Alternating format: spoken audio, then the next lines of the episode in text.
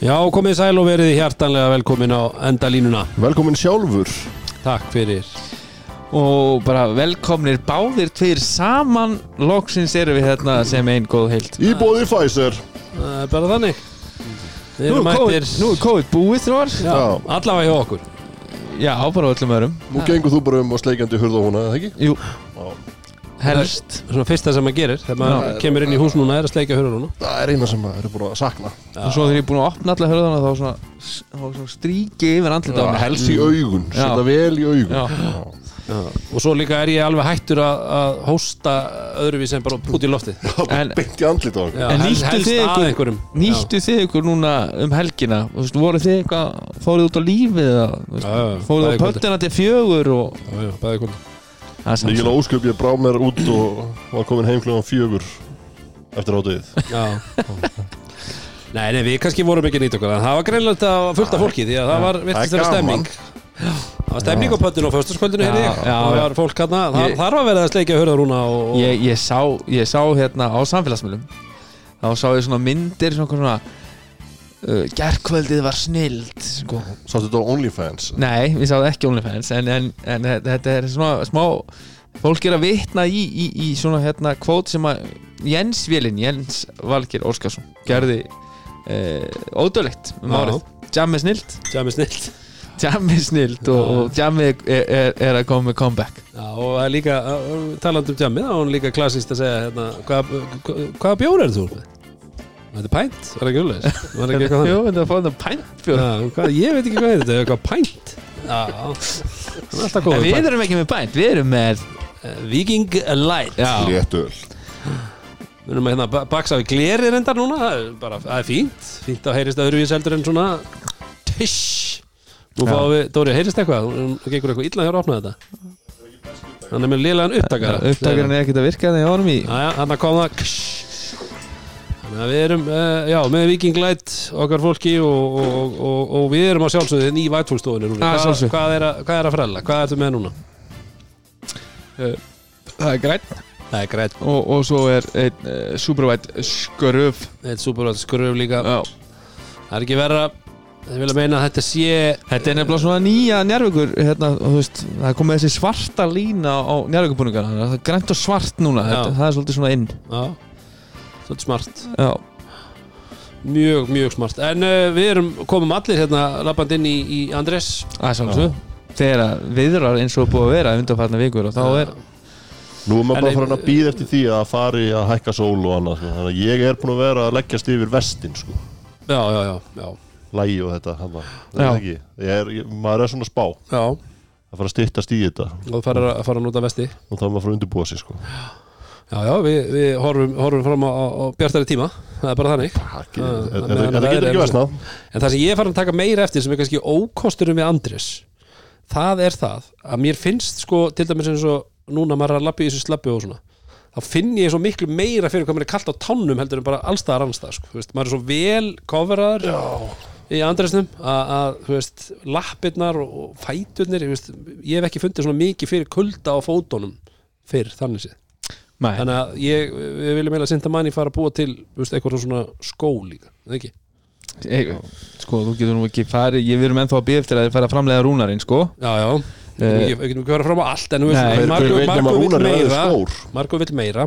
Rúnar, Rúnar geti verið skór já. Já, ég hérna, eins og Hvað ég ertu með á löpunum? Rúnar á hæra og vinstri. Rún Geti verið Rúnar á hæra og Dóra á vinstri? En, en við þurfum að fá, fá okkur buksunar líka. Já, það er bara bara svo buksunar, ég ætla að fá með rók buksunar og svo ætla ég að þetta er skó sko, ég ætla ekki að taka lægi, ég ætla að taka skóar vestið, Já, ég var svona, ég var búin að vera að skoða þetta. Já, ég, er, skóa, ég er ekki vestið. komin þú veist, Nei. ég, það, er, það, er svo, yfir peysuna Já. þetta er, það er svo mikið til. Ég er eiginlega, ég er eiginlega farin að hlakka til uh, Gypsy Tours í sumar myndana á Instagram. Já, það, það er Ég verið er nefnilega svolítið spenntur fyrir að sjá bara svona uh, standi eða sem sagt lúkja þess já, og, og hver veit nema uh, okkar maður uh, Einar Karl verði búin að græja rúnarinn fyrir sumari þannig að, þannig að ég geti verið að, að posta myndum vilt og galið. Mm. Já, þá En farið hvað- þau En strýpur hvað væri Rúnarinn? Væri það svona þunnur jakki? svona, í- jafnvel ykkur, ykkur ný típa af sko, ykkur svona hybrid típa af, af, af, af kára. Kári er anorakkurinn sko, ég er mikill Já, þú anorakkur ert anorak, já, reynda rétt Þú ert svolítið og, anorak og en eins og segi, ég er tilbúin að skoða allar höfmyndir. Já, já nema skó kannski Við erum kannski ekki alveg ekstra nei, nei. Nei, En ok, það var samt alveg góð þetta var góð pæling sko. Eins og bara. Lent á vegg, uh, Rúna mín fyrir, fyrir, fyrir, strákar. Fyrir- Eh, Ég glemdi reyndar að minnast á það síðast. Eftir Super Bowl. Allan sé, allir blóði sé gengið niður í 50 eftir að hekka það Vá, ég held að hausinn á hann var að springa. Það var búið að leka blóð Þetta var, þetta var kannski ekki alveg besta höfmyndi svo eftir á. Nei, hann hefði verið flottari bara að standa Já, þarna. uh, En uh, íslenska strákar. Íslenska landsliði verður kannski ekki hjá okkur inn í dag. Uh, Eftir bara, já, virkilega flottan uh, Það sem við áttum Hvað segir maður? Vorum að keppa við Ítali allavega já, það er bara alveg hárið þér. En ein uh, stærsta stjarnar Ítala. 88 mótilið Danilo Gallinari. NBA stjarnar mm -hmm. Hann var ekki með uh, komst ekki lið? Hann komst ekki lið. Uh, og spurningin er einföld.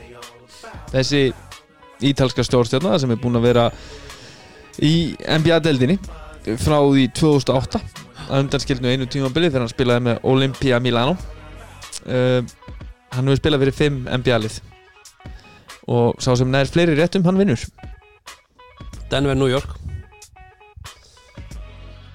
Átti bara eitt í einu Æ. Denver, New York. Fór hann í Boston ekkert tíma nei, Denver, New York. Hvað var hann með? Ég man alveg aðalega eftir hún í sko. sérstaklega í Denver veginn. Man ekki eins og hvað hann er núna Fór hann í Portland? Nei.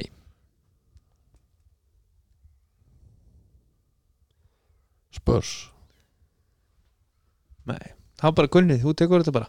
Það er bara 2-0 Hvað var Ha, að sjálfsögðu, þá spilaði hann með uh, Denver Nuggets náttúrulega lengst, Lengst, já. 2011 til eins og, eins 2017 og, eins og vinur minn sagði Denver New Jets. Uh, hann er draftaður 2008 mm. af New York Knicks og spilaði þar til 2011 þá hann fer til Milano. Uh, en síðan svona hinn síðar ár þá spilaði hann með Los Angeles Clippers Oklahoma City Thunder Mm, já, og svo síðast uh, Atlanta Hawks. Hún er það núna. Já, þetta var Haukum í hafnafyrði Þetta var skemmtilegt. Haukum í höfnari Þetta var skemmtilegt. En uh, við að pæla hans í Nei. Málunum? Já, Gerum það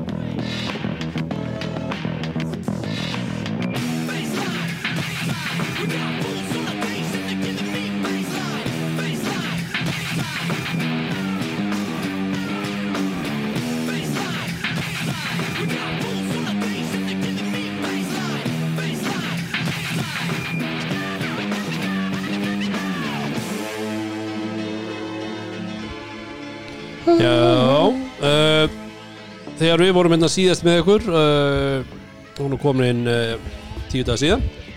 Það er nú ýmislegt búið að gerast og eitt af því sem er uh, stæðsta fréttir væntanlega er þjálfarskipt í Grindæk. Eftir hennar leik sem við rættum um síðast þar sem að njárvikingar já, fóru ansi ítla með Grindvíkinga í ljónagröfinni Það verður bara að segjast og við rættum það nú mikið hérna síðast en uh, þá er, uh, var Daniel látin taka póka sinn Daniel í Guðni og það komið nýr maður í brúna í Grindavík Sverrir Þór Sverrisson. Þekkt stærð í, í, í Grindavík. Ekki satt? Jú. Og hvað uh, hvernig kemur þetta við okkur svona svona fljótt á liti við byrjum á, á, á, á, Dana. Þetta kom bara flatt upp á mann. Já, rauninni sko. Um, þetta, er, þetta er svolítið bara það sama í Grindavík að hefur verið þetta hefur alltaf verið einhvern veginn erfitt að, að koma sér svona eitthvað næsta level svona undarfæran ár. Mm, það hafa verið þetta upp og niður lið og hérna ég var hissað að við tækju þessa ákvörðun á þessum tíma múti mm.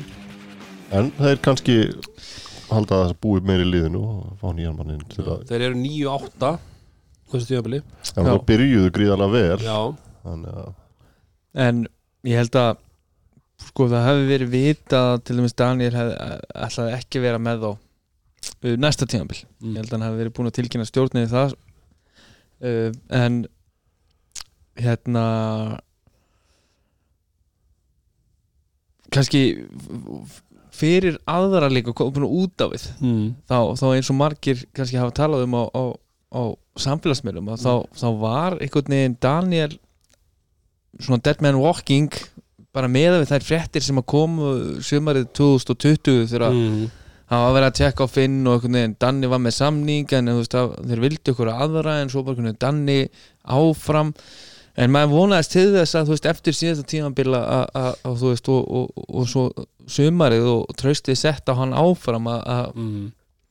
að þá myndi það vera þannig en, en hérna, eins og ég segi svo, svo það, það, það kom alltaf og auðvitað er í öllum litlum samfélögum hvað, og hvað innan körubólna sem er alltaf veist, erfiðar ákvarðanir. Mm. en he- þessar ákvarðanir vantlar að tekna á körubóltalega forsendur og, og eitt af kommentunum sem að koma fram sem að er að liði sér ekki á þeim stað sem að hérna það á að vera, Stjórn- eða, eða stjórnin sér það. Já, En þá spyr ég reynda bara af þeim fimm leikmannahópum sem eru fyrir ofan grindækulegið, er ykkur leikmannahópur þar sem er slakari heldur en grindækurhópurinn og mitt mat er bara beint nei sko, Mhm. sko grindæk var með nýjum manns á skýrslu í síðasta leik Mhm. Magnús Engill átjónara er einn af þeim Kristoffer Breki sem er flottur hlu- hlutverkaspilari en er ekki leikmaður sem býr til eitthvað sjálfur, hann er bara catch and shoot og, og flottur varnamaður Mhm. uh, Björgun Hafþór sem er veist, nánast ónótafur í eftir deild Mm. í dag og svo ertu með þarna vin Ívan Aragochea sem er bara afskaplega ódýr útlendingur sem er komin hérna bara veist, sem aukamaður út af það er ekki til peningu fyrir hérna einhverjum dýrari Harry Calaber leikmanni Mm. já, en það er samt sem áður þá eru þeir náttúrulega með mann úr bara dýrustu hillinu sko Jú, jú, við erum með mann úr dýrustöldunni sem er samt sem aður auðvitað ekki maður sem að kannski þú veist, tekur leikin yfir gjössanar sjálfur, hann þarf þjónustu. Ívan, Hann þarf þjónustu, og, er- og, og, og þá náttúrulega líka þá sóttu þeir náttúrulega bakur sem er, hefur þekkt stærði í deildinni og einhvern veginn hefur ekki verið að, að performa alltaf eins og hann á að gera. Þannig að ég jú, jú, jú þú veist, þeir eru reynda að setja saman lið og, og, og hérna settu greinilega svona fútt í þetta í byrjun og þú veist, þeir eru með Gita Pál sem er var svona uh, biti á markanum voru með- lið að býtast um hann þegar hann fer hann í Grindavík þannig að ég veit, þú veist, en, kannski ekki leikmannhópar ekki, uh, sem, eða, þeir eru ekki með sterkar leikmannhópar heldur en liðin fyrir ofan þau en veist, ég veit það ekki hvað þeir, eru- eru settu samt fútt í þetta í, í að Já, sækja já, já. Ívan og sóttu, sóttu Easy sem er flottur uh, talented gæi Mhm. hafa kannski ekki náð honum eins og er og ég ég veit það ekki mér, Nei. Það mér, líka- og ég segi, þetta kom flat upp um á þessum tímapunkti Já, já, en svo maður horfir einhvern veginn tilbaka og fyrir kannski svona bara, veist, reyna greina einhverja hluti sem að mögulega voru veist, eitthvað svona merki um að, að það væri eitthvað ekki alveg veist, það er til dæmis eins og þegar hann og, og hann hérna Sharon fara, þetta rifrildi dæmið sem að þar virtist sjóð upp úr, þú veist ég meina auðvitað getur svona gerst í öllum liðum, ég er ekki að segja það en, en þú veist, maður fyrir svona að pæla í svona hlutum Mér varst það samt, það atriði fannst mér bara sína styrkt annað í raun. Já, ég er endar, get alveg, alveg tekið undir það en þú veist, maður horfir samt tilbaka Já, á já. svona hluti og, Já, og, og meða við til dæmis svo Daniel kemur inn á í, í, í viðtalið daginn eftir og að þá held ég að, að, leikmannahópurinn hafi til dæmis ekki haft hugmyndum það sem að allavega nei. hans vitneskju og hans samtölum við þá leikmenn uh, held ég alla bara til dæmis a- allt byrjunlið sko. Mhm. að- að að þá, þá hafi ekki verið spurt álit sinnan leikmannahópsins um, um, um hvað skildi gera eða tala við fyrirlega eða eitthvað svo leys held ég að þetta hafi verið komið flatt upp á leikmenn líka. En þe þeir tala nú um að grindingingar að það hefur verið bara eining innan stjórnarinnar að þetta væri svarið. Já, þannig að það hafa allir verið sammála um það. En svo hefur maður líka heyrt svona rættur og grindaði kannski stjórnin sé kannski ekki nægilega körubólta miðuð. Það var eitthvað sem Nei, nei, ég- það er- ég- Því maður hefur tala við fólk sem er í kringum körfuningun í dag, þú veist, er kannski ekki inn í stjórn en er, eitthvað svona í, í, í kringum körfuna sem finnst þetta bara vera mjög skrítin ákvörðun á, þess, Mm. á þessum tímum uh, en, en, en eins og ég segi það eru allir vantilega að gera sitt besta og, Já, já. og, og, algjörlega. og, og ef að, þau taka ákvörðun um þetta þá náttúrulega bara lifa þau me, með þeirri ákvörðun og, og, og því sem kemur síðan í kjölfari sko. Já, þetta, er topp fólk sem er að stjórna það, það, vantar ekki skilur en það er kannski, veist, kannski það er rétt að það sem maður hefur heyrt að kannski þekkingin á leiknum sé kannski ekki nógu mikil. Nei, ég, ég, vil, þú veist ég hugsa til dæmis á sömu stöðum e- ertu með mikla körfuboltalega reynslu í, í, í stjórnunar embættum innan, innan korfumstæðatildina á öðrum stöðum ertu kannski ekki með mikla körfuboltareynslu en þú ert með fólk sem hefur rosalega passion og leggur mikið í þetta. Mhm. og þú held að það sem alveg, alveg, hérna, alveg staðan í Grindavík. En hvort að hérna góðinu þáttarins Ingi Formaður hvort að hann, hann viti nákvæmlega hvort að Dalni sé að fara sé í taggvörn eða hvort hann sé að containa og pick og roll eða, eða hvað þeir sé að reyna á okkur um ákveðnum aksjónum. Þú veist, ég held að það, það er náttúrulega kannski við, við vitum þannig líka bara hvað það er sem að virkar í stjórn. Það þarf ekki endilega að vera einhver, einhver körubólta heili, það þarf að vera fólk sem er tilbúið að, að leggja á sig og, og, og þetta er náttúrulega bara hérna, já, og sérstaklega eins og, eins og umhverfið er í dag ég er að sko. segja það, þú veist, þetta er bara fólk sem er bara að vinna baki brotnu að því að liðinu já, og félagi, félagi bara standi sjó þannig að, þannig að körubólta passjóna ekki þá bara þurfa menn samt að taka ákvarðanir Algjörlega, og það verður bara og, og þau náttúrulega, eins og ég segi, ef við færum okkur svo að, það var greinilega ekkit reddi mm. eins og kannski ykkur í heldu og þeir, það, það, það er akkurat málið, maður held bara einhvern veginn að þegar að þetta gerist á þessum tímapunkti Mm. að það væri bara komin bara maður daginn eftir bara þeirra bara, kostur væri bara komin þeir væri bara Mhm. búin að tala við hann áður og, og þetta væri bara gengið frá þessu Mhm. en einhvern veginn svona ég ég er ekkert vissum að þeir hafi far, fengið fyrsta kostin sinn sko. heldur ekki ég nei, ég, he- veit það ekki já, Svolítið, ég, svolítið skrítið að leita í mann sem hefur búin að vera út úr þessu í þetta langan tíma sko. já, já En ég, þú veist, mér finnst sko ég er bara nokkuð vissu svona þekkjandi hvernig umhverfið er í grinda hvað finnst mér einhvern veginn svona, eða við skilur að hafa séð það hérðan að þá eru þeir náttúrulega svolítið svona hvað var að segja, þeir horfa svolítið til góðra tíma, þú veist, þeir horfa til þess að hlutirnir voru öðruvísi Já, og við höfum nú rækta hérna með eins og kepla eitthvað því er ekki verið alltaf að horfa tilbaka á, á hvernig þetta var hérna fyrir 15-20 árum síðan, veist, að, það þarf bara að vinna með það sem þú hefur núna. En veist, ég held samt að grinda að horfa alveg til þess að, og ég held að Sverrir hafi verið mjög ofalega hjá þeim ef ekki svo efsti, að- að- held ég.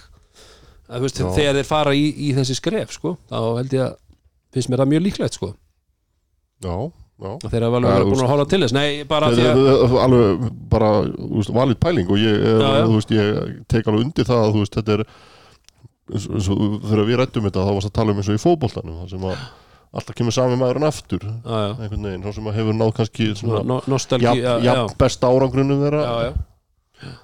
þannig að já, ég, það getur, getur vel verið sko. Mm. já, já, en það er eins og sé, það er alltaf á hreinu að Sverri Þór mun hérna, klára tímabilið og með, með grinda er, er, er þetta bara út tímabilið? Er, ekki- er ekki búið að tilkynna neitt meira Ég held að það sé bara búið að tilkynna út tímabili sko, en, en, en eins og segir svo eh, gæti enda þannig að þetta verður svo bara átta köruboltaleikir á réttum má, á mánuði og, og búið sko. Og veist, hver veit? Mm. en svo gæti líka verið eins og við tölum um bara um daginn eftir að það er unnu val og, á heimavelli að, að Grindavík er náttúrulega og hefur alltaf verið svona veist, þessi stemmingsbær og þegar, þegar allir mæta í, grænu, í gulu treyðnar upp í stúku hérna og ég trúi fánin fyrir á loft að þú veist, þá, þá gerast bara stundum einhverju svona hluti sem að þú getur ekki útskýrt sko. Mm -hmm. Nei, Já, nei, já, svo, þú veist, það er náttúrulega líka önnur pæling í þessu er að, þú veist eru þeir eitthvað verðsettir í dag heldur en hefðu verið með Danna? Það er, þú veist, bara, þú veist er ekki bara alveg skott bara að kasta teningunum núna mm -hmm. og þá annarkort nærðu betri árangri heldur en þú hefði þá hugsanlega náð eða Mm. þá bara, þú veist, þetta verður eins. sama, já, þú veist, já, þú veist, ég held að þú veist þi- worst case scenario er að þeir fara í áttalúslu og detti þar út skilur við Mhm. og ef það gerist þá bara þú veist, við tókum séns og það bara gekk ekki. Þú veist aldrei hvað Danni hefði gert. En mögulega getur þeir farið eitthvað lengra með þetta og Já, svo líka eins og þú talar um aðan núna ég meina að hann hafi mögulega verið búin að tilkynna þeim að hann ætlaði að klára þetta tímabil og svo ekki meir. Og, og þá hafi kannski verið að horfa til þess hver tekur þá við eftir þetta tímabil. Og eins og við segjum Sverrir er, þú veist, þekkt stærið í Grindavík heldur betur. Þannig að, fá hann inn að, borðinu núna og, og ná smá þú veist, ná árangri núna vonandi fyrir þá og hann og, og, og ná svo að tryggja sér hann áfram það var náttúrulega eitthvað sem er kannski þeir hljóta að horfa til þess. Þeir eru alltaf bara að fá hann hérna í tvekja mánuða vinnu. Getur ekki verið, Nei, þú veist, ólíklegt. Maður veit ekki, ma- ég líka hefst ég búin að tala við Sverri Þór á, á, á sniðasta árinu þar sem að, þú veist, mér finnst alveg skína frá honum hvað hann vill bara fá að vera uh, laus og leiður og mm. Koma bara heim úr vinnunni, getur bara að fara heim og horfa á Liverpool og ef ef hún langar til útland og leika á Anfield þá getur hann bara farið, farið á Anfield og ekkert vesen sko. Mm þannig að hvort að hann er tilbúin í skuldbindinguna inn í næsta tíðanbíl við vitum allir að þjálfin í dag þetta er orðið bara sólaringsverkefni hvernig Já, þú ert að já, já. þú veist, þú ert alltaf að pæla og það eru endalösa leikreiningar nema þú farið bara í gamla skólinu og segir, heyrðu, við ætlum bara að berjast meir en hinnir þú ræðið þín alltaf En það er náttúrulega komið núna 2,5 ár síðan hann stýrði Keflæk 2018-19. Og náttúrulega fyrir það var hann búin að vera með kvennalið í 2,5 ár. Og ég veit að eftir tíðanbili 2017-18 segjast að setna, setna heila ári með kvennaliði þá var hann búinn á því, eða þú veist skilur þetta bara, þetta, þetta tekur mikið eins og við erum að segja, veist, þetta er, þetta er alveg þetta er hörku vinna. Og var alveg ákveðin í því að hann ætlaði sér að taka frí. En svo kemur þetta kemla ykkur starf upp eh, kallalið. Og hann tekur hann eitt ár og, og, og, og ég er alveg viss um að hann sjá ekkit eftir en eitt svoleiðis en ég er að segja nú er komin 2,5 ára eins og við vitum þá er líka sverrir þannig típa að hann er alltaf einhvern veginn það er rosalega stert passion í honum. Já, já. og, og ég meina, þú veist, og ég veit alveg að hann langa að taka kefla kallalið eins og hann prófaði og það kannski gekk ekkit vel ekki eins og hann hafi kannski séð í, í draumunum þannig að, þú veist, Grindavík er náttúrulega klárlega það sem hann hefur náð árangri ég meina, hann er ekki Íslands og byggamestara með það. Jú, tvisar Íslandsmestari og Nei, var það, hann er ekki einu sem Já, Íslandsmestari tók, tók við af tvö orður Já, Helgi var náttúrulega fyrra ári tók við af honum, eða ekki? Helgi kláraði tíðanbíl og var Íslandsmestari og svo tók Sverrir Íslandsmestara og svo Já, held ég að hann seinna. hafi verið byggamestari ég held að hann hafi verið byggamestari með þá líka eftir það. Já, byggamestari árið eftir, já, það er, Já, rétt. og svo þriðja ári eftir það þá hætti hann. Þannig var það. En já, ok, þetta verður allavega áhugavert að, að sjá og, og hérna hvað sem ég segi, bara Það er bara að vera að kasta tinningum já, já, það er bara að vera að kasta inn og bara ég, ég, ég laka til að sjá Sverri aftur sko. Já, algjörlega, það er bara topp top náungi. Já. topp náðingi og, og, og flottur þjálfari þannig að það verður Mhm. haldið að við spili lægans í upptur? Life is life já. Ég, klárt, það er bara lítur að hafa verið í samningnum. Ég myndi segja það. La la la la la. Sem við sem verður ekki búin að finna hérna fyrir að henda það inn á milli. Við kannski, við kannski tökum uh, við ætlum að pæla þess í, í landsliðin okkar sem er heldur betur á allra vörum hérna eftir, eftir Ísland er landið Ísland er landhitt uh, en á fimmtaginn þá mættust í Ólafsal uh, komu ítalinir. Já. Og minna, en ef það hefur verið undir steini þá gerur grein, eða veistu það að Ísland vann. Já. Ég hugsa flesti Ég hugsa að flesti hlustundu þáttari séu meðvitað um það. Ísland vann mm -hmm. heimaleikin í Ólafsal og kannski bara fyrsta stráka. Hver, hver, hversu geggja var að horfa á landsleiki í Ólafsal mér finnst það ekki ekki Þú veist, Mér fannst bara að vera- Ítalendum voru eitthvað að væli yfir þessu. Af hverju? var ekki bara eitthvað fannst- áhörundur bara onnið þeim eða eitthvað Býtu, þetta eru menn sem að spila í já þú veist stutt í bara eitthvað, ég veit ekki hvað væl var þetta, sko. mér fannst bara sko að vera í salnum varst mér bara upplifunin geggjuð. Og þetta er akkurat það sem við þurfum fyrir landsliðin okkar. Mm það er svona bara fyrir fjögur, fimm, sex þúsund manns. Já, ég er að segja, það er nefnilega eins og við erum búin að tala um Já. líka á þau að vera með svona hús. Ge- svona grefjuhús Já, þetta var svo, á stórt. -hmm. þannig að stemmingi var svolítið lengi í gang sko og þú veist, það, það kom þér að leiða og það þarf náttúrulega líka bara að, bara að draga þessar vittlisingar sem eru á fótballalansleikjónum og hafa verið genum árin nú er tími körfuna sko. Við segjum vitlýsinga í góðri meiningu. Ég er í góðri meiningu, ég er að algjörlega í góðri meiningu. Ég er að segja, ég þú vantar bara þessa já, þessa, þessa klikkun Já, og, já, akkurat. að Því að hún virðist sko, hún sjálfsögðu við þekkjum hana náttúrulega í fótboltanum í kringum hérna, EM og HM dæmi mm þessa kynnslóð þarna sem að bara var frá 2011 til og er jafnvel enn. Handboltin hefur náttúrulega alltaf verið með svona mitt svolítið svona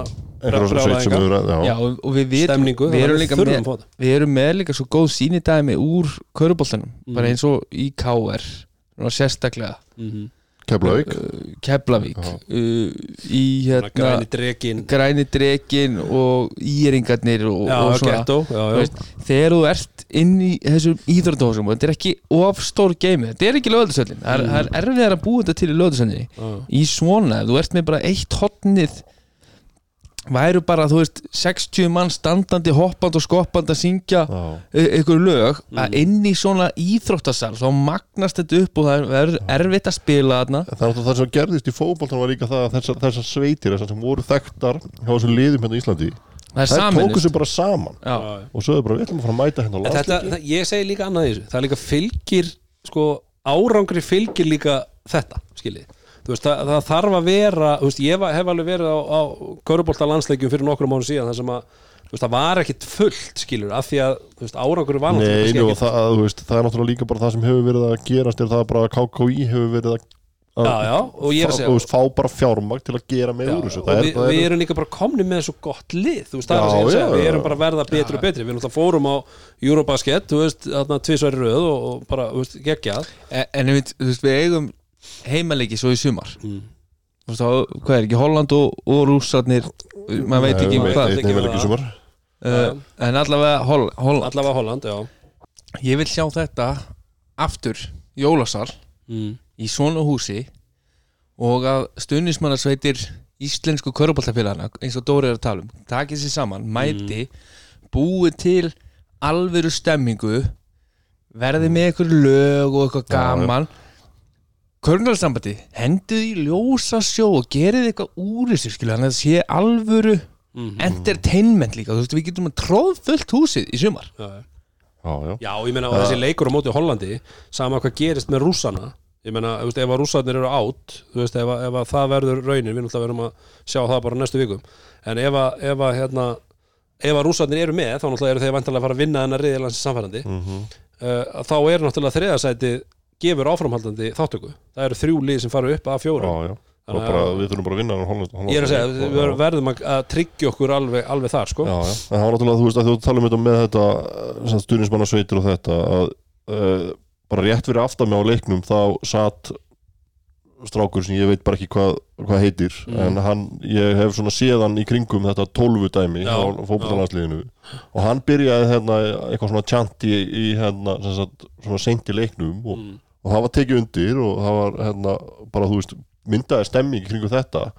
Að veist, þe- þetta eru, þetta, eru menn sem eru bara fagmenn á þessu sviði. Já, já. þeir bara þekkið út og inn. Þannig að það þarf eins og segir að KKI að leggja þú veist bæði umgjöruna í kringu leikin líki að fá þetta þessa á völlin til að búa til svona segja, plattform fyrir þá. Já, já. En það er náttúrulega, við verðum náttúrulega að hafa hús. Það er náttúrulega já, eitt já, fyrir já, okkur, þannig að og þú veist, þú veist það er að sorglega- Ólasalur geggjaður bara geggjaður. en þetta eru 800 manns Já, en, en, en, en bara, þú veist, af hverju við vorum svo sem búin að eitthvað að reyna að fá eitthvað svar um það vitið nákvæmlega af hverju Ólafsalur er ekki hæfur til að vera með landsleik þeir voru allan búin að taka greinilega körfunar úr löðasöllinni í Ólasal hana Já. Já, var það bara það? uh, það er eitt af þessu Eitt af þessu, já, fyrir þessa leiki þú þarft svona sem sagt, körfu unitið er ground based, ekki úr lofti Já, já, Já. Já, ok. Uh, hvort að lofthæðin sem slík sé mögulega of lág með við alþjóðstælana ég er ekki alveg kláð það er eitthvað svo það eru það er ykkur fleiri búndar en það, það, veist, það, var svona það sem maður sá að það var búin að taka körfunar Þegar ég er alveg sammála því að, þú veist, eins og ég veit að hann eins og þeir eru að berjast fyrir að, fá hús, ég meina, lögatarsvöldin er löngu úrrelt og allt þetta dæmi, en ég meina, ef það er eitthvað sem hægt er að gera til að Ólafsalur sé löglegur eða sé keppnishæfur, þá finnst mér það alveg, þú veist, við mögum heldur ekki hérna að vera of stolt til þess að gera ekki það, svoleið, þetta er okkar besti kostur í dag. Já, ég er að segja, og ef þetta- já, gengur. ég, ég of, auðvitað, við fáum ekki hús byggt fyrir júni sko, það er ekki séns. Nei, og ef einhver er, þú veist, undan þá er erfitt en, en í, og- í, í fullkomnum heimi þanga til að við erum komið með nýtt hús mm -hmm. þá eigum við að spila í Ólasal og það við búum til miklu skemmtilegri heimavaldastemmingu í Ólasal heldur í nokkuð tíman í geimnum inn í löðisvöld sko. Mm já Þetta er, er Þetta hérna er, þú, þú, þóttu, þú veist, eh, fyllir löðursöldina þá eru samt sko áriðin sem eru að, í ódýrstu sætónum, þeir eru kílómetri í burtu sko. já, já, já, já. En uh, ef við pælum aðeins í þessum leikjum og, og bara svona heilt yfir báðum uh, Punktur hérna Erum við orðið hættulega landslið án Kristoffer Eikóks? sko, ég held nefnilega bara að þegar við erum að sjá leikstílin okkar núna í þe- þessum leikjum Mm. og við erum að setja upp með, svona line-up með, með fjóra bakkara og, og tryggva Mm og svo ertu kannski með uh, tryggva þrjá mjög kvikabakkara pluss og Pavel Mm. veist, og Pavel er allt öðruvísi til dæmis heldur en Eikoks út að hann er miklu reyfanlegri einhvern veginn með boltan, þú veist, hann getur hreift sem með boltan í höndunum dripla, hann er að búa til hann er með fullt af stóðsendingum og hann tegir líka vellinum út að hann getur skotið þryggjastar Mm. sérstaklega þegar hann er í landsinsbúning sérstaklega, hann var bara skotin að slíta allt öðru út í landsinsbúninu uh, hann er að það sem að þú að þurfa að tala um þetta með að vera með þrjá kvik, kvikubakverði og, og svo tryggva. Að þú basically getur sagt sko að við byrjum leikinn, fyrirleikin með fjóra. Mm. þannig að þú ert með Elvar, Ægi Martin, Jón Axel Mhm. og Tryggva. Það ertu með fjóra gæja sem geta farið frá hjá manninu sínum. Og það náttúrulega bara það í þeim leik það sem bara ítalinni réðu ekkert við í fyrirháleik sérstaklega var það að við fórum bara fram hjá þeim þegar okkur langaði til þess. Mm. þetta samt auðvitað örlítið úr okkur varnarlega. Já, já, já, klárlega. Að hérna uh, þetta er ekkert, þú veist, eins og við vorum að missa menn svolítið, svolítið á bakvið okkur þá en við verðum að hlaupa. Og við, maður er búin að segja þetta í mörg ár. Mm. Þú veist, við, við verðum að gera það ef við ætlum að fara að vinna þessar stöðu þjóðir. Og þetta er okkar besti kostið þess. En Eikoks væri fullkomin backup fyrir Tryggva. Mm. í nákvæmlega sem hann er að gera það setja þessi pikk, við vitum bara hvað hann, hann er góður á þessi pikk og róli. Mm. En þá ertu bara komin í hva, hvað gefur tryggva okkur í þessu rim protection að vera ég er, að segja, ég, er ekki, ég er ekki að tala um að hann er að fara að taka þú veist, taka á honum mínútur. Nei, en þú veist, En þá þú ertu kom, þá ertu bara komið með að Eikoks er til dæmis þá bara óðinn 500 maður, 5, 7 þú já, er, já, og er það ekki bara gott? Þú veist, við vorum með sko Óla Óla og Pavel að leysa hann af í þessu verkefni. Já, já, að megninu til. Þannig að ég myndi alltaf taka Eikoks fyrir, í þetta hlutur fram, fram yfir þá báða? Í þetta, nákvæmlega þetta hlutur ég myndi taka Eikoksin fram yfir Óla Óla en, en mér finnst Pavel ennþá hann er- verður alltaf ekki eilífur sko, Nei, en, ég er að tala um bara í, í þessu hluturki Pavel í því hluturki sem hann spilaði megnið af þessum leik í gær er bara okkar besti maður í það. Mm en að leysa tryggva af þá myndi ég vilja setja Eikoksinn frekar. Annar maður sem gæti er svo náttúrulega var ekki með Haukur Helgi Pálsson. Sjálfsög Ha- hann gæti svo verið einmitt að leysa ákvarða þetta hlutverk með Pavel sem er svona, þú veist þegar þú vilt aðeins stekka liðið ekki vera með þessa fjóra kvikubakveri já, já. að þá ertu samt komið með svona bakværa típu sem er, sem er nöyt sterkur og með, já, getur líka að fara frá hjá manninu sínum. Getur farið fram með mannum sínum, getur Já, og skotið getur líka eins og þú sagði, leist aðeins uh, ójafvæði varnarlega. Já, Já, já. getur tekið á móti stærri mönnum varnarlega, þú veist, er með styrk.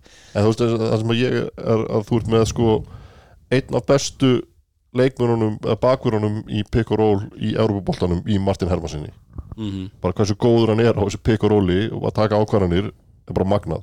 Og við vitum hversu góður Eikóks er að rúlla og, og í þessu líka. Þannig að ég var alveg til að sjá það í fimm mínútur í leik sko. Þetta er alveg valið punktur og ég meina svo kemur líka annar punktur þá uh, líka í sambandi þetta, ég meina Hörður Axel, nú er Hörður Axel búin að vera starting point guard í svo landsliði í, eða ekki réttu meira, ég meina hann hefur uh, Hann er bara bara- síðan jú. síðasta landsleik þá startaði hann sem hann spilaði. Þannig að, Hvort hann var, var ekki síðast landsleikur sem hann byrjaði á bekknum?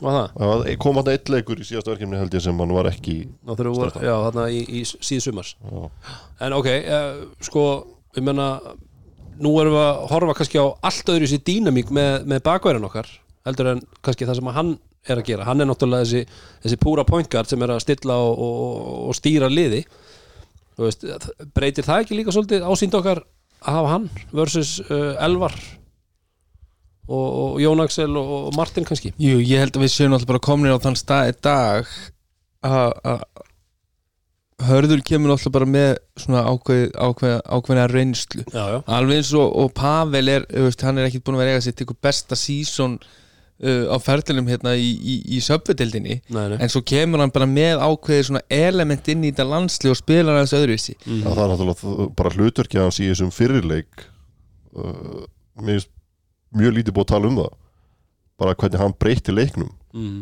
hann kemur hann inn snemma og þann, hann, þá fyrir við að taka fráköst sem býr þá til það að hann er náttúrulega rosalega góður bara annarkvort að finna outlet sendinguna eða þá bara fara á stað sjálfur.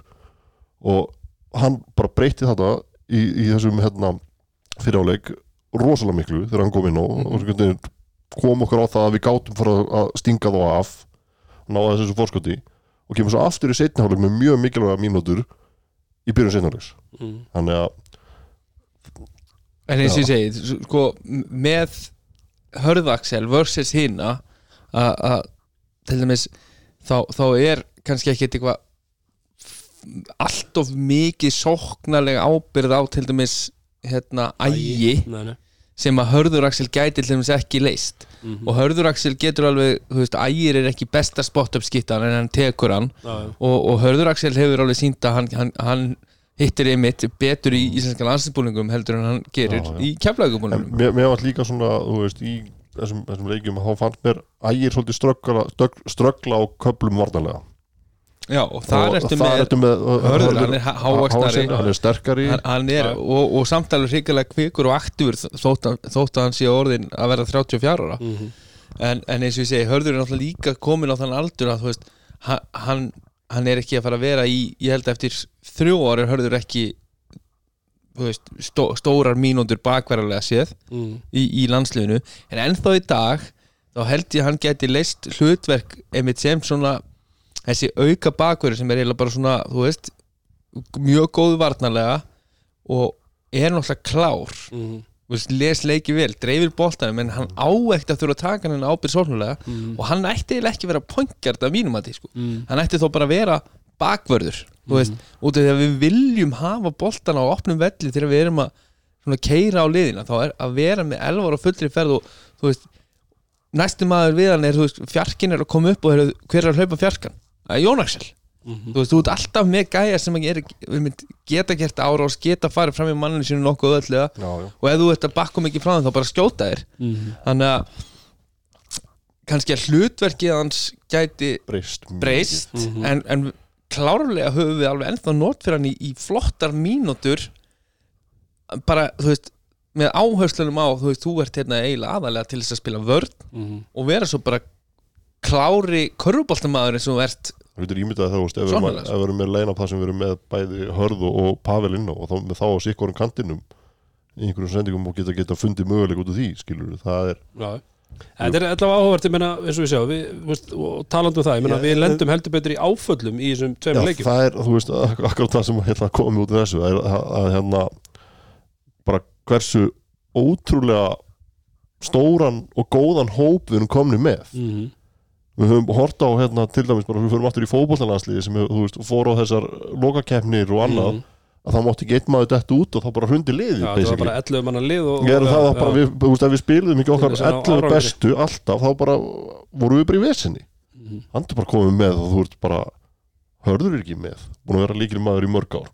Haukur. Helgi er ekki með. Eikoks er ekki með. Já. og samt erum við að ná þessum árangri. Já, og svo lendum við líki í setjuleiknum að Martin er ekki með Já, og, og, og framistæðin í setnileginu fannst mér því. frábær sko. Þú veist, þóttu, við töpum með sjö sko. hún var bara á pari við það sem hún var í fyrirleiknum. Já, það, það sem við þurfum auðvitað kannski aðalega að skoða hvernig við getum bætt okkur, hvaða lausnir við getum fundið er kannski svona varnarlega mitt á pikkurólinu út að við erum með náttúrulega rosalega, litla bakverði og á móti þessum stærstu þjóðum veist, þeir voru bara að skjóta yfir okkur veist, og þó við vorum kannski svona veist, aðeins fyrir framann, Mhm. þeir bara hoppa og skjóta yfir okkur og þetta eru bara það miklu gæða skotmenn Já, já, að við erum ekki með nógu mikla stærð til þess ofta að kontesta mm. En hvað, svona með ítalska lið nú erum við bara svona að pæla hvað hva vantaði mikið í þetta lið? Við tölum um Gallinari, er hann ekki ennþá aktiv veist, hann er hann er að spila á Eurobasket og, og svoleiðis við spilum náttúrulega mótiðin 2015 eða ekki, Jú, ég held að Bellinelli, hann, hann, hann er hættur, Uh, en ég meina það er ekkit margir í NBA-deltinni ítalir það, Nei, ég held að það er ekki bara hann eða? Ég held að allavega núna sko. Ég er ekki alveg klár á því. Nei, nei, nei, ég, maður fór bara svona pæl í því þú veist að því að ef maður kíkir á hérna bara World Ranking, ég meina þeir eru áttunda eða níunda sæti. Já, það vantar nú, það vantar alveg ykkur En það? Ok, það er þá einhverjir í en ég meina hvað eru þeir leikmenn þá að spila? Ég veit ekki hvort þeir eru í Þú veist, Eru örglum einhver Euroleague. Euroleague, Seska Moskó eða eitthvað svo leiðis. Það er allavega held í einn. Já, Já, ok, er þess að segja, maður, bara, maður þekkir ekki nógu vel með þetta eru við Dórir ekki þekkti fyrir að Nei. þekkja Evropaboltan vel. Nei, en hérna, þú veist, bara þú horfum bara á stærð þjóðan þá er Puljan Þú stærri, sko. Já, já, já, já, engin spurning, engin spurning. Önnur pæling uh, með eftir þessa leiki, Elvar Már uh, okkar ástkæri stegavörður stórkostlegur í báðum leikum uh, Næsta skref hvað, hvert, hvert er Elvar að frendi, hvert er Elvar að fara? Eða hvað verður næsta skref Elvars? Bara ekki Euroleague. Nei, þá getur hann ekki spilað næsta Já, Bara ósk, ósk það eins og ég segi, mér finnst bara auðvitað er ég hlutræður og allt, allt já, það já. en, en mér finnst algjörlega stórkostlegt að horfa á drenginn spila. Já, veist, bara hann er skemmtikraftur og hann, hann er þú veist, og hann er alltaf einhvern veginn að- að koma manni ennþá á óvart. Mm. uh, frá því að hann spilar fyrsta tímabili sitt í meistarlokki með, með stóra frenda gapa sendingar og eitthvað svona veist, frá því að fara síðan og, og byrja að dominita hérna á Íslandi sem unguleikmaður Mhm. bara til bandaríkina og allt í einu, þú veist, á, og svo er hann komið til barri að fara hann að gefa sendingar sem maður hafði bara ekkert séð áður. Öll hans velgengni hefur alltaf verið upp á við. Þú veist, nánast bara stanslust fyrir utan kannski árið sem hann kemur síðan hérna í Njarvík þegar hann kemur heim frá Denaín Það er náttúrulega alltaf skref niður að fara í njari en, en frá því að vera besti bakverðurinn í Svíþjóð Mm. upp í það að fara svo að verða valin MVP í li- efstu delti Litáen mm. búin að eiga frá, flott tímabil í Belgíu og, komin á standard að það er verið að reyna að kaupa hann inn í efstu delti Tyrklandi á miður tímabili Mm. svo bara með þessar tvær framistuður sem hann sýnir í þessum landsleikjum að það er bara held ég alveg klárt að hann er komin á það level að geta fara að fara í stærstu deildirnar Mm. Mér fannst bara svo, þú veist að horfa á hann í þessu verkefni og bera saman við síðasta verkefni þar sem hann var líka Mm. góður og bara, bara mjög góður Mm. það finnst mér bara þess framistöndar orðnar þroskaðari líka Mm.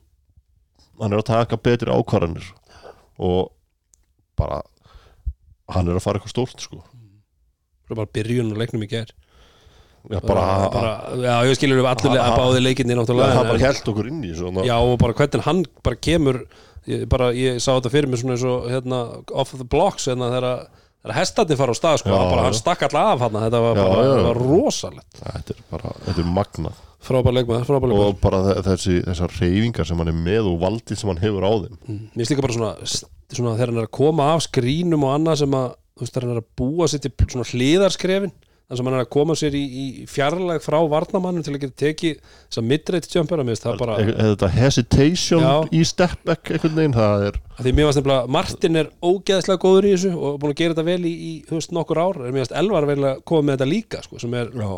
veist, alveg bara svona ekstra þrætt, en við náttúrulega getum ekki talað um þessa landsleiki öðruvísi en að minnast á á fimmtudaginn hjá honum Tryggva, það er náttúrulega bara hann setur nýtt met í þetta er heimsmið þetta er heimsmet Nei, þetta er ekki heimsmet en það er einhver, einhver söðu kóruubúi já, söðu kóruubúi sem á metið en, en hann er 50 framlagstig sem er að hæsta sem hefur nást í qualification í Evrópu Já. það er náttúrulega bara störlað bara fárónlega framistæði á gænum sko. bara, hann er ótrúlegur og, og eins og ég segi af, frá því að við vorum hérna allir að fylgjast með honum í fyrstu deild með Þóra Akureyri mm -hmm. hvað hann er komin langt á stöttum tíma mm. Og veistu, hvað, hann er orð, hvað hann er orðin mjúkur í þessu, þessu flótskoti eða svona babyhúki það er ein Í karfa kring- í, í, og svo þegar hann treður yfir liðan í í- hann bara svona bömpaði Það voru burtu. þrýr í kringum. Og svo bara svona að, heru, ég ætla bara að hoppa og tróða yfir ykkur ég er ekki lengur. þetta er svona þetta sem maður segir alltaf við alla, alla stóra menn þú veist bara, okkur trottu sér frekar heldur en að taka eitthvað skot svona. Bara, lætu bara vaða. Sko, það er ein hreyfing í fyrirleiknum í, ég held að við erum að, tala um þetta þitt orði þegar að, hérna, ég held að þetta sé annari þú, þegar að, hérna, gæinn sem var búin að vera frábær þá, hann að íþróttamæðurinn hérna, var blokkandi alla hann og ég man ekki hvað hann heitir þessi stóri hann liggur eftir eins og hann var orðið fyrir einhverju meðslum og þeir fara upp og hann fær boltan í rauninni á hvort hann drippli niður á enda, að endalínu þar sem að einhver mætir hann og í, veist, á mínútu 44 hjá honum í leiknum eða hvað það var, 45 eða eitthvað að composureið í honum þú veist, ég er að tala um leikmann veist, þetta stóran og örgulega þetta þreyttan eftir allan annan tíma að hann tekur bumpið og setur svona létt baby hook bara svona skilar í ofan á endalínu. Mér finnst þetta bara hann er svo, eins og þú segir, þessi mýkt sem hann hefur í þessu á að spila háu level á móti sko svakalögum íþróttamönnum. Það er eins og ég sem ég finnst þetta er þetta er eitthvað, þetta þarf að rannsakan eitthvað, þetta er bara ekki eðlilegt sko. nei, Hann er að hendi 30 pluss stig með 90% skotningum á móti Ítalíu sko. mm svaka. Þetta er bara Já, það er bara, bara, Og- og bara það- causing problems allan leikin sko, þú veist, þeir finna bara engin, engin svör. Nei, og hann var búin að henda sko, þremur og jafnvel fjórum mismunandi á hann hann á tíðanvili sko. þetta er frábær leikmaður og virkilega gaman að sjá progressi sem hann er búin að, hérna, að ná og, og bara þú veist, hvað verður þú veist. Já, bara, hva, hva, bara líka, þú veist, frá því við sáum hérna í dildinni hérna fyrir nokkrum árum svo fer hann til spánar mm. og hvað hva gæin er bara heldur áfram að stökkbreytast sko og, og, og bara upp á við í gæðum bara með hverju mánuðinum eitthvað þegar þú sér það að spila það er bara sama eins og með elvar skilur þetta er bara, þú veist, maður sér þess að vera að byggja sig upp og það er svo útrúlega jákvætt á þessum tíma Mm. að, veist við erum langt frá því að vera, vera orðinir skóðir eins og við getum orðið Já. sem er bara ótrúlegt. Já, fyrir uh, uh, já, 300 ma- 300.000 manna þjóð í Norður Allansafi þá, þá er þetta vera galið sko. Mm.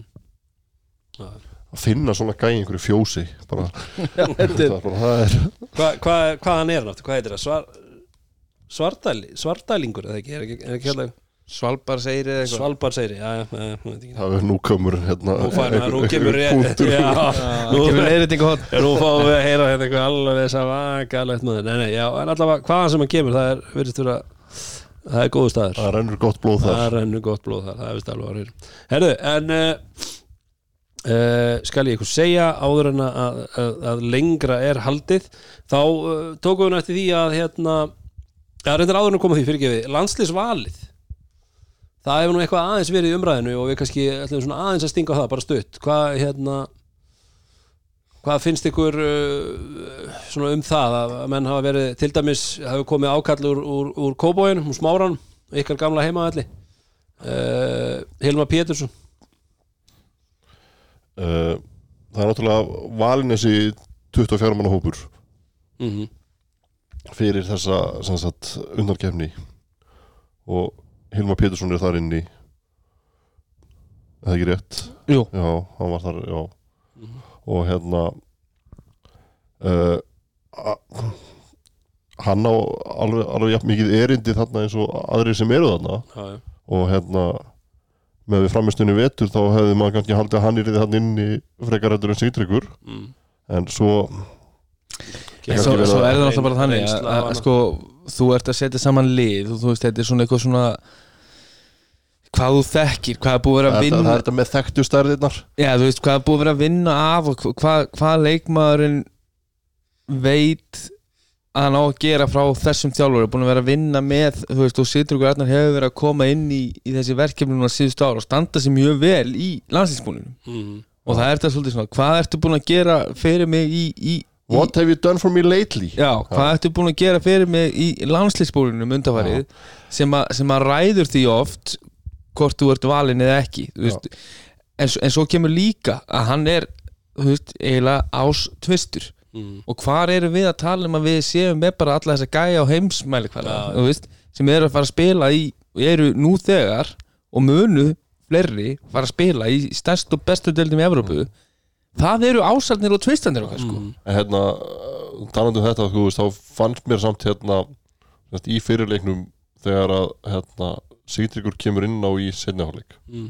Ég er ekkert að setja á Sigtrygg eða neitt hannig, bara mér þetta, mér, mér fannst furðulegt á þeim tímapunkti að setja Sigtrygg inn Mm. þegar þú varst búin að vera með rotation í fyrirháleik þar sem að Kári var búin að koma inn og gera vel, Mm. Tóti var búin að koma inn og gera bara sitt, svo allt í hennu bara þeir bara konin aftast úr bekkin og Sigtryggur komin inn á í setniháleik. Mm. Mér fannst þetta svolítið skrítið í svona leik eins og þessum að koma allt í einu með hann inn á Mm. og ekkert um hann eins og ég segi, þú veist, hann, Nei, nei. hann hérna, gerir sitt besta á allt það Já, sko. og hefur átt alveg flotta Já, leiki já, í já. landslisbúning og fekk hann mjög mjög ósangjarna villudend á sig í þryggjasta skuti Já, sem já, var, var að gerast beint fyrir fram með mitt ég sá ekki, sá ekki villu þar en hérna mér fannst bara svona, þú veist okkur ekki að koma með Tóta eða Kára afturinn mm. á þessum tjómúti Já, já, já, bara og svo kannski annað í þessu er að hérna uh, 24 mann hópur þar er Dagur Kár. Mm og hann náttúrulega hérna Dagur Kár leikmaður stjörnunar Já, hjóstum Já. til því. hann hérna sem sagt uh, náttúrulega uh, rifti samningnum úti og er komin heim og kemur í sænar hjá stjörnunni og er komin félagskipið þangað og, og að því sem ég bestu veit þá er hann ekki byrjað að æfa þar. Ok, en er í þessum 24 manna hópi ég já, okkur velur Já, leikmann í já. hópu sem er kannski ekki aktífur í Nei, það er, eitthvað, e, e, eitthvað sem hann er að díla við, einhver, einhver, meðsli eða eitthvað, Já, eitthvað já. þannig þannig að ég mér fannst, mér fannst, það, það, það fannst mér svona Svolítið skrítið Já. já, já, já, bara góða punktur en, en eins og ég segi, líka á- áhugavert að koma því inn ég meina hann er komin heim og komin í stjörnuna ágætt viðbót við vonandi- ef, hann, fáum við að sjá ég er hann. að segja það ef, ef, ef hann fer að spila þá er það ágætt viðbót ef hann nær sér ef hann sér, já, Já, en ég veist, í þessum uh, 20, hvað, fjara manna hópi sem er, sem er veist, Kristófur Eikos hann gaf ekki kost á sér. Uh, að þá eru þú veist, eins og ég segi, fyrir utan dagkár sem að þú varst nú að tala um að þá eru, þeir, þeir sem eru þarna fyrir utan, þá myndi ég segja að það eru tveir þarna sem eru fyrir utan hennar 15 manna hóp sem er síðan tilkynntur þarna fyrir ítaljuleikina mm. Uh, þá eru tveir leikmenn sem ég geti séð inn í þessum 15 manna hóp. Það er Hilma Pétursson, hann gæti alveg verið inn í þessum 15 manna hóp bara með við frammestuðu og bara með það, ég get alveg trúið því að hann verður hann Einhvern Eftir nokkur ár. já, já, klárlega að, gengur eftir. Ef allt gengur eftir þá er hann að fara að koma hann inn og, og þú veist, byrja líklegast að vera back, backup guard alveg eins og þeir sem eru núna okkar aðaleikmenn voru, voru fyrir þá sem að voru á undan sér skilur já. uh, og svo er hinleikmaður sem að þú veist ef ég er að setja saman lið þá finnst mér alltaf, veist, mér finnst Colin Pryor veist, mér finnst hann eins og hann, hann er svona þúsundjala smiður. Mhm. þú veist, hann er með hæð, hann er með athleticism, hann, hann er hann er hérna uh, ekki besti sóknamaðurinn en þú veist, hann, hann er góður í eitthvað hlutverk. Mhm. og, og, og þú veist, þú getur svo sem alveg farið á línuna og sagt, heyrðu, þú veist, ég get alveg sé, sé, sé hann fyrir mér í staðan fyrir mögulega þennan eða þennan. Já, já, já, já. En þannig kemur líka eins og þú segir ég meina, En veist, það- ég við getum ekki hort bara á uh, hvernig þetta er búið að vera í vetur. Við þurfum náttúrulega að horfa á þú veist, hvernig þetta er að fungera saman sem lið og hverjir hafa verið Já, áður svo- í liðinu og þekkja kúltúrin og já, það, það er þetta komið með Hjálmar Stefánsson sem er í þessum 24 manna hóp þú veist, Mhm. kannski mörgleiti svipaðir eiginleikar og Colin Pryor.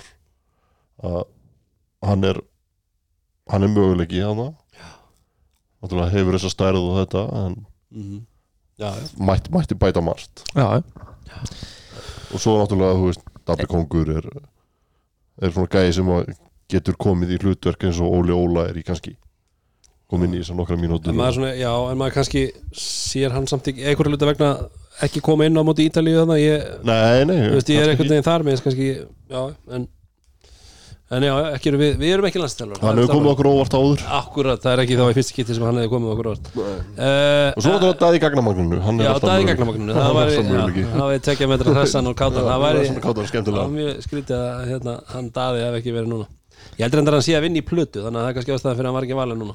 Hann er ekki, í. Eurovision Hann er í- í En. Kitty Páls var hens var í Eurovision Kitty Páls komst áfram í gegnum, gegnum niðurskurinn núna bitu, bitu, bitu Nú verður að en En lætin sko ég, ég hérna sem Þeir að vera eitthvað skildir sko. Já, já, já, já, Ko- Konan mín hljóp út úr húsi rétt áður en að að þessi keppni byrjaði núna á lögadaginn þannig að ég var dæmdur til að horfa á þetta með börnum mínum Já. og hérna svo Og hafði bara gaman af? já, já, já, já, já, svo byrjar þetta og, og gengur ekki Kristinn Pálsson á svið veistu, ég hugsaði bara, er, er hann ekki á. Þetta er- þeir eru eitthvað er Það er potið palla á eitthvað í þessu. Já, Já, það kemur reyndar ekkit óvart. En uh, Annað eh, varandi landslið að við sáum nú uh, þekkt andlit á, í þjálfarteiminu Johnny í, Money. í The Goat. setjulegnum The Goat The Goat. The Goat var mætt. Og aktífur líka, ég var ánægð með það. Ég sá hann alveg bara taka hérna, Craig bara, bara lock in eyes og fyrir eitthvað, eitthvað time outið þannig alveg var að segja eitthvað við það sem að greinilega skila árangri þannig að Jón Arnór Stefánsson okkar allra besti er, er, er, já, er, er það eitthvað staðfest með það að hann sé komin inn í þjálfara temi það var þetta bara, Hann stígur náttúrulega þarna eitthvað inn í, í fjárveru Baldurs. Já. En hann var ekki fyrirleiknum með það Ég held ekki. Nei, það var náttúrulega mátti ekki breyta hópnum fyrir Nei. leik. Já, það er nú eitt. En, en það er bara fagnar efni ef hann er, er partur af þessu með, með sína þekkingu og, og reynslu úr alþjóðboltanum og, og hérna, hann hefur kannski verið túlkur á Ítalíu þetta presens bara, þú veist, bara, bara, bara sjá sjá þetta, hennar skrokkarna skilur Já, bara, bara, veist, bara lekur af honum bara töffarinn sko, og, er og, og, og bara að vita af honum hann að maður aðeins róleri sko. mm þetta er bara þetta er maðurinn, já, já það er bara þannig Og talandi um það að vera að þetta sé maður þá náttúrulega erum við enn uh, hugfóknir af, af, af seríunni sem er í gangi þáttu tvö búin uh, the, the Last Dance, Jón Arnór mér erst bara, þetta er bara áframaldandi veisla já, Sá, við umræðan um hérna, að, að, hérna ætti ekki verið að byrja það saman við Last Dance já, Það er út af því að ef þetta væri Last Dance þá væri þetta eins og þá verður þetta sígur já, tímabilið hjá Jordan hjá Wizards. Bara, ég var ekki búin að segja þetta mér finnst þetta- mjög og það þarf alltaf að vera allt alveg eins. Já, Já, þetta var alltaf líka sko, þú veist, ég held að sko líkjandar séu ekki í því fólknar. kontentinu kannski, er kannski hvernig þetta er byggt upp og, og, og gert að því, því leitinu til Já, sko. en þetta var, þetta var skemmtilega og líka það sem mjög svo gaman líka við þetta er að sko, fyrir utan það að sjá allt þetta, eins og dæmis með þegar hann var út í Artisan hana og, og, og, veist, og lendir í þessu, þú veist, Já. að hann er bara bara þú veist, hversu svalur var gæði hann tróðandi til Kaliforníu bara spila bara með hérna einhverjum high level og, já. Bara langsvalastur á vellinum. En maður var búin að gleyma þessu samt, þú veist, þegar hann semst, kemur aftur í káar hana, að, að hann hafi verið og þetta var alveg svolítið svona þú veist, hann var svolítið svona bad boy þegar hann kom hérna heim sko, að, þú veist, eins og hann hafi gert eitthvað af sér úti sko, þetta var alltaf ekkert Þetta er undir því komið. já, ég er, þú veist, það lág í sko. svörstum lista. Það var alveg, Já, já, er- getur ekki farið til Ameríku aftur, þú veist, það var alveg svona hann er bara, ljúfasti maður já, sem já, þú og finnur, þess finnur vegna sko. þess vegna var þetta náttúrulega ógeðslega spes allt saman, en maður, var- ég var búin að steingleima þessu, sko en líka það sem að mér finnst svo gaman að fylgjast með þessu er að sjá framvindi tímabilsins eftir að þið byrja aftur eftir COVID-pásuna og, og allir þessi leiki sem við erum alltaf búin að tala um hérna í, í, í þessum þáttum hjá okkur og, svo er náttúrulega þú veist er, er, er, er það ekki, þeir eru basically að reka bílit þarna í einu samtalinu. Jó, þeir eru alltaf að tala um að þetta gengur ekki eins og til Nei, og það var, svona maður tók svolítið svona maður mað fekk smá högg þá Já, veist, bara, en þetta var bara, við vorum náttúrulega hérna í vætfórstofun að tala um allt í síðast tíðanbili umferð eftir umferð eftir umferð og, mm. hvenær kemur kaninn? Og þú veist, ég man eftir því þegar við töpum út í Njarvík og, veist, og við töluðum um þróta hérna skotið sem er kemur síðan í þessum þætti. Þegar kemur hérna, þú veist, á bekkin og Pavel eða situr einhvern veginn bara steinhissa og allir einhvern veginn svona sundraðir, enginn satt allir við hlið já, já. fyrir framan bekkin, fyrir aftan bekkin og þú veist, maður bara, betur, hvað er að gerast og þetta var bara svo mikið svona vonleysi mm. nú er náttúrulega gaman að vera líka þú veist, með þetta, þú veist, behind the scenes hvað er að gerast inn í klefa mm. og enn og aftur, Pavel Ermolinski inn í klefa þetta er bara eitthvað besta veistla sem að ég Já, Já. þetta er bara þegar, þegar hann byrjaði að faðma menn hann og, og, Já, geðvitt en, en ég, veist, ég er bara svo spenntur fyrir áframhaldinu sko. þú veist, þú ert að fá þetta uh, þetta gæða content og mér finnst þetta mjög reikalega skemmtilega uppi hvernig þetta fer svona fram og tilbaka með þig og mm. Svo þetta byr, byrjuður þegar hann þátt á því að fara yfir það sem að við tölum um uh, síðast, eldraðina hjá honum og, og voru að segja að það þessir, þessir sem að þekkt hann besta þetta kæmi svona einu svona tvis ára tímabili Já, já. hefði kannski aldrei komið svona snemma sko Nei, nei. en bara contentið er geggjað sko. Bara við varum að fá svona extended version á, á hérna, DFT já, Það var á Netflix. Ég er spenntur sko fyrir hérna næsta þætti svona með hvert við erum komnir í fortíðinni. Mm. að að, hérna þá svona mætti halda sko að þá erum við að fara dett inn á þú veist eftir þá 2002 tímabilið. Já, þetta er, hann kemur aftur hann að 99. 99 til 2000 Já. Þannig er hann 18 ára. Já og svo fer hann hann til hvað var það ekki tríer Tríer, já. Og svo er það sömari 2003 þegar, þegar hann, Já, þegar en hann spilar samt hér 2001 tvö tíðanbili held ég öruglega já, hann gerði það já, já, að hann spilaði tvö tíðanbili viðbútt með KR Já. 2001 og svo 2001-2 og svo, svo, svo fer hann til Tríer og, og svo hérna sömari 2003 það er Já, þeirra Það er Dallas. það er hérna Global Games Já, með, með Ella Hannesar á, á, á, á Ford Ecoline og, það verður gaman að, gaman að prinsessunum koma fyrir í, í, í þáttunum. Og, og, Rúnar og Hjörtur voru Vaspirar þannig að Það verður náttúrulega veistla Já, ég, veist, ég vonast að, að hérna, sé ykkur sem er búin að grafa upp eitthvað myndefni af, af Global Games í Dallas sem var svona einmitt byrjunin á, var ekki, sá maður ekki, það var einhvern tíma þáttur sem kom út fyrir einhverjum árum síðan um hann Það sem að vera að tala um um þennan tíma, ævintýri í Dallas eða eitthvað Já, Fóruð þeir ekki eitthvað Já, ég manna ekki hvort það hefur komið eitthvað Já, það verður áhvert sér það og við bara, við bara hlökkum til og alltaf á, miðugundum Tæplega hefur Ötti kíkt á hann tæflega Það er mjög tæft En uh, Strákar, það er gamall, gamall liður sem að við ætlum að endurvekja í aðeins breytri mynd. Eru þið klárir í það? Það er gamall liður bara sem hefur ekki verið mikið í í nótkun Ertu búin að vera að stilla, stilla kassakítarinn? Já, þeir eru ekki, þetta er rámfast hann er vel túnað núna. Já,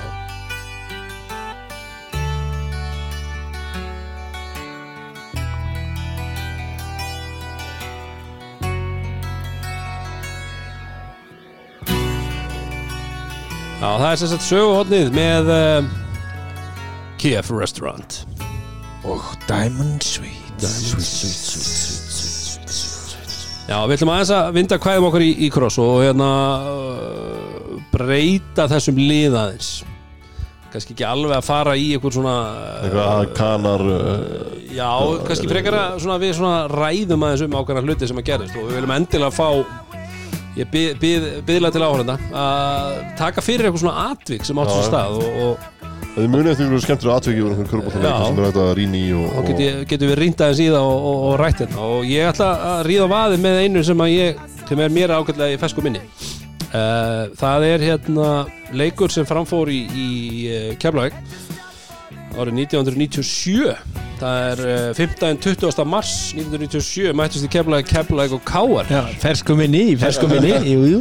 Ég maður þetta maður þetta gerst ekki hér Uh, þannig málum vexti að og Káar mættust í, í undanúslutum og, og þegar hann á komið sögu var staðan 1-1 uh, þetta er fyrsta tíðanbíl á Damon Johnson svona fyrir þá sem að muni kannski ekki alveg ártöl. Þá var þetta Já, fyrsta tíðanbíl sem hann kom og, og, og tímabilið sem að Keflavík uh, sopaði öllum titlunum til sín.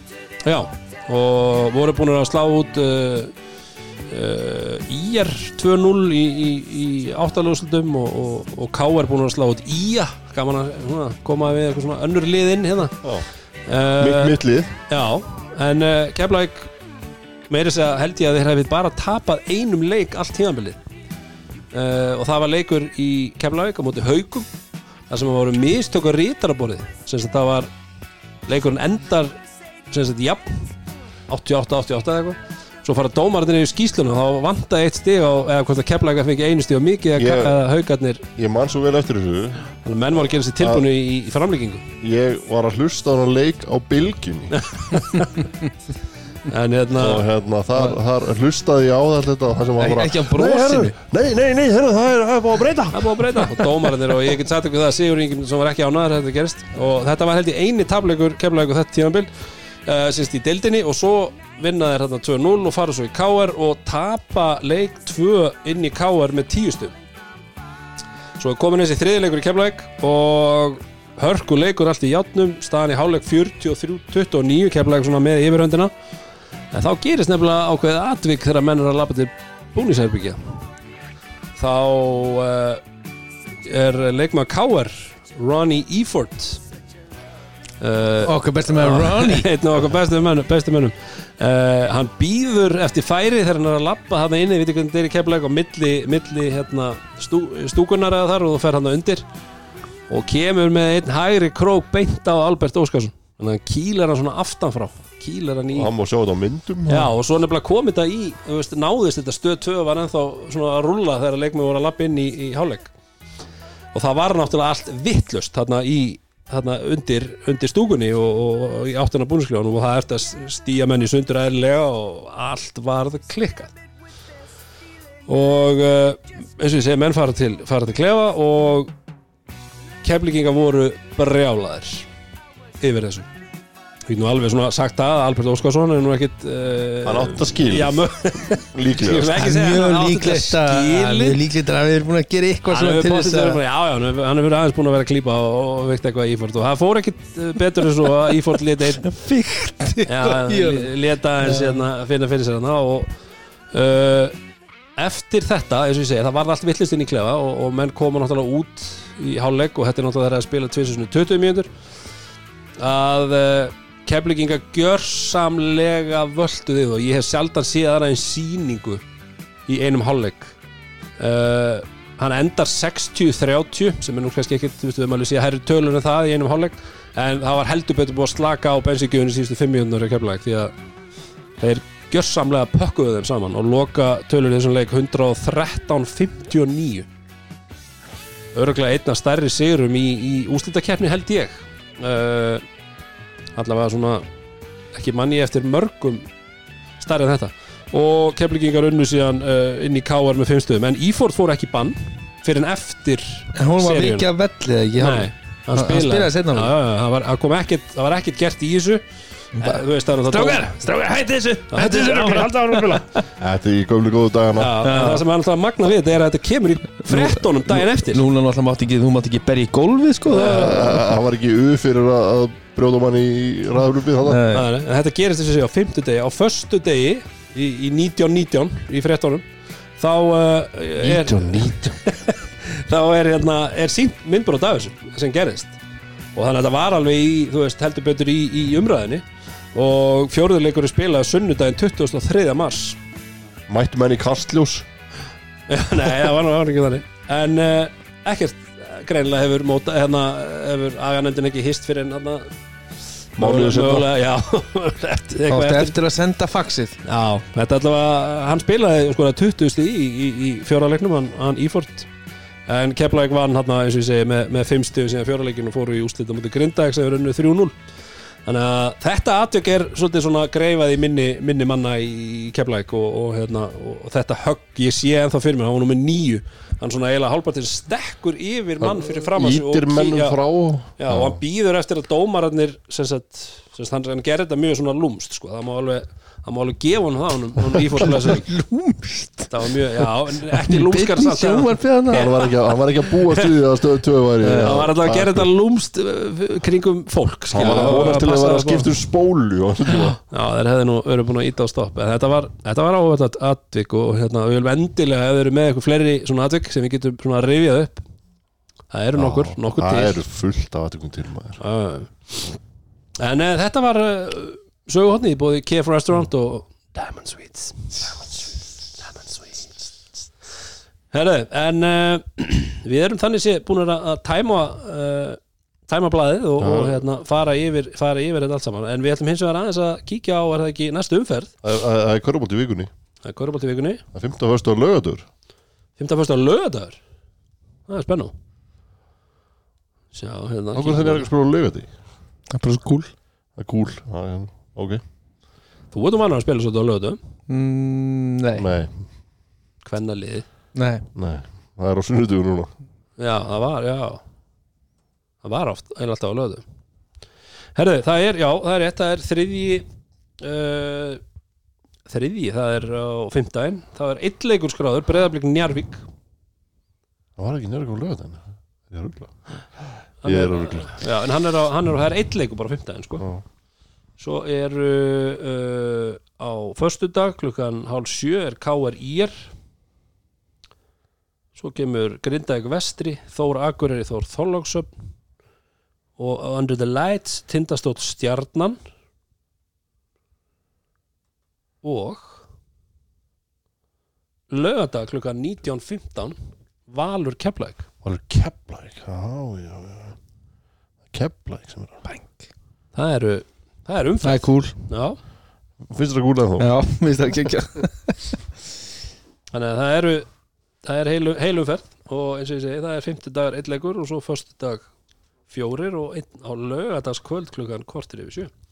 Hvorki meira en minna. Það er lögadagskvöld þá er gleðin við völd. Það er verður áhugavert að, að, að sjá það. En uh, eins og ég segi, við erum tæmtir við uh, þökkum náttúrulega okkar helstu styrtar aðalum Samstæðsal Já, við segja það, samstarf, má ekki, má ekki vera styrkur? Nei, út af því.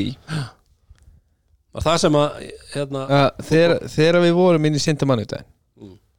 og við sáum bara hálf söðunni sin vera þarna mætt. Já, en þetta er, samstarf. þetta er samstarf Samstarf, já. er ekki já, Það er ekki að styrka okkur neitt Það er bara við erum saman. það er endur alveg rétt það er endur alveg rétt. Við erum bara það saman í Við baráttunni. erum saman í Já. barátunni Það er White Fox, það er Viking Light. Já, við erum í. Báðunni gegn bölunum með White Fox og Báðunni fyrir leiðindunum með Lighturun Barátunni fyrir kuldan Við Já. kuldan með uh, Sintamani og svo bara hlý og góð rúm með Kef mat og drikkjum í KF Restaurant og Diamond Sweets. Það er bara þannig. Allt er svo þetta að vera. og svo erum við bara alltaf í beitni á podcaststöðinni. Bestu stuðinni Það er bara þannig. Það er bara svo leis En uh, við endum þetta vanlega nótum drengir og segjum Love this Love this game. Love this game